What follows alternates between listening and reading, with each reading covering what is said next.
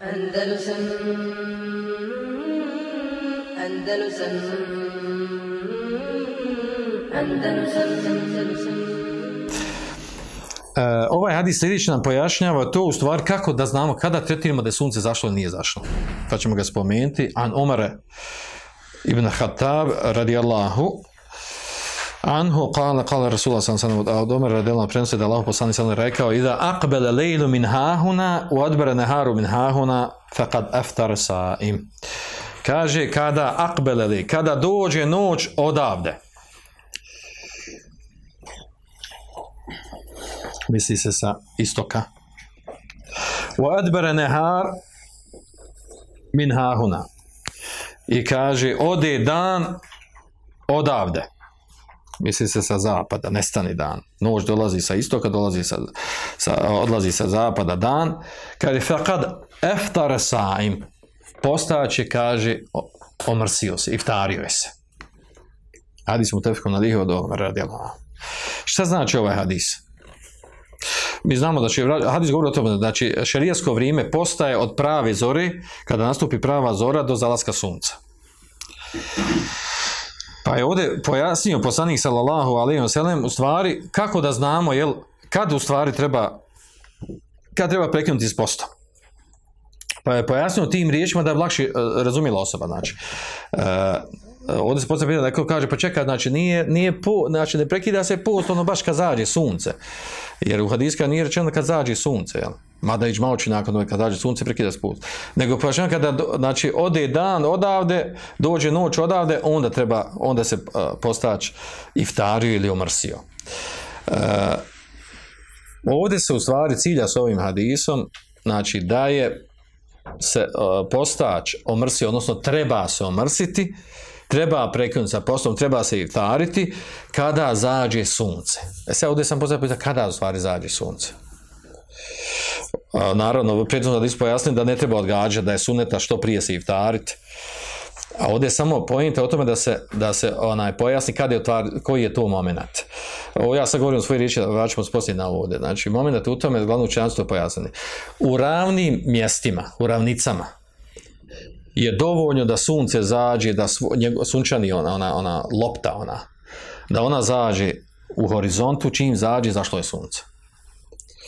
Znači, nema potrebe sad nešto tam čeka iz rake, ovo, ono, znači, čim je zašlo, i to se odnosi na hadis, znači, otišao je dan s time, čim je zašlo, zašla ona lopta sunčana za horizont, znači, otišao je dan, a automatski je došla noć. A u brdovitim mjestima, kao što je kod nas, u brdovitom Balkanu, kod nas nije ibret u smislu da nama za naše brdo zađe. Jer neko zavisi gdje ko živiš. Vi ovdje u Sarajevo vama brzo zađe. Pošto po brdima okolo su brda, velika planina i tako dalje. Nije ibret u tome, nego je ibret u čemu? Nečemu drugom. Da kada sunce zađe, zašlo je tebe iz ovog brda. Ali tretira da je zašlo kad nestane sjena sunca na, na ovom tvom mjestu gdje si na brdu tu kad zađe sjena, onda je ono zašlo. Znači, a ne kada je tebi bukvalno lično, jer će onda je potom, ako bi bukvalno tebi za brdo zašlo, znači oni koji su niži, njemu brzo, najprije njemu zađe sunce, on se iftari prije tebe. A ti što si malo na brdo, ti poslije moraš čekati da još više zađe. Znači, e, znači nije tako. Nego ibret u tome, ako si u brdovitom mjestu, iako sunce fizički zašlo negdje, mora nastati sjena onom gdje si ti, gdje, gdje ti budeš. Pogledaš oko sebe, vidiš i nastojiš da vidiš. Ako već hoćeš da ispitaš ono bez ovih vaktija, bez preračuna. Da pogledaš, znači, e, da li je zašlo sunce e, u tvom brdovitom, tom brdu gdje si ti, planinu brdu, da li je sa njih zašlo sunce. Kad zađe sa njih, onda tretira da, ti je, da je zašlo sunce. Nadam se da se razumijemo oko ovo. Uglavnom, hadis ukazuje na sljedeće da je mustehab poži, požuriti sa iftarom kada se ostvari, znači ovo su riječi uh, Abdullah Besama, i da te haqaha gorubu šems. Mustehab je požuriti sa iftarom kada se utvrdi da je zašlo sunce. Jer kada zađe sunce, kaže, nema sumnje da je otišao dan, a da je došla noć i da ne stupio iftar. Problem ovog hadisa u tome, šta znači ove riječi, faqad aftare sa'im. Kada znači uh, ode dan, dođe noć, dođe noć, ode dan, kaže faqad aftara, omrsio se ili iftario se postač. Šta to znači? Može ima dva značenja. Omrsio se, u smislu po, po pitanju propisa. Znači, tretira se kao da se omrsio, pa makar ne popiju, ne poju ništa. To jedno znači. Naravno, time se postiče da se treba omrsiti i iftariti. A ovo može znači. Znači, on se tretira kao da se omrsio. Gotova, završena priča. Drugo značenje, u stvari, da to u stvari znači uh, da bi, znači, postica njemu da mu je halal, da, da, da je tad nastupilo vrijeme, halle iftarhu. Znači, da mu je halal da se iftara. A u pritom nisu pojašnjeno da je mu stehab odmah da se iftari. Da požuri s time. A ovaj hadis pojašnjava da mu je halal tada da se iftari. Ode dan, dođe noć, ode dan, halal da se iftari. Odnosno, zašlo sunce. Koje od ova dva tumačenja i značenja Hadisu su ispravno? Ispravno, naravno, ovo drugo. Jer prvo, ako buzilo da je ispravno, to da ovaj hadis znači kada a, dođe noć, a ode dan, odnosno kad zađe sunce, da se omrsio postač, da je, ima propis kao da se omrsio, pa makar ne pojio i ne popio. Onda bi ispalo da ona, oni hadis koji govore o visalu, o spajanju po, posta nekoliko dana koji je radio poslanik sam sadom hadismu tefka novi doći na ti hadisi, onda to nema smisla, nije spavio. Šta je spavio i kad nastupio iftar, on se omrsio. Računa se, propisuje ono ko se omrsio. Znači, onda tema nema smisla, što znači kontra te teme. Ili imamo razilaženje učenjaka, poznato razilaženje, da li osoba kada onaj kada nastupi kada nastupi pardon kada u toku dana zanijeti hoće da se omrsi. Znači zanijetla da je prekinula post. Da li je time prekinula post ili nije prekinula post? Znate kako, od zori zanijetio da posti. I došlo 12 sati i kaže ja ću se omrsiti zanijeti da se omrsi. Međutim ko sebe trenutno nema. Nema nešto da popije, pojede i tako. Mičko, ja se omrstim, ne mogu, neću više, ne mogu. Jel time prekinuo post ili nije prekinuo post? Stavi, što je prekinuo? Prekinuo nije. Fizički nije, se po, nije popio, ni pojeo, niti spavao sa ženom.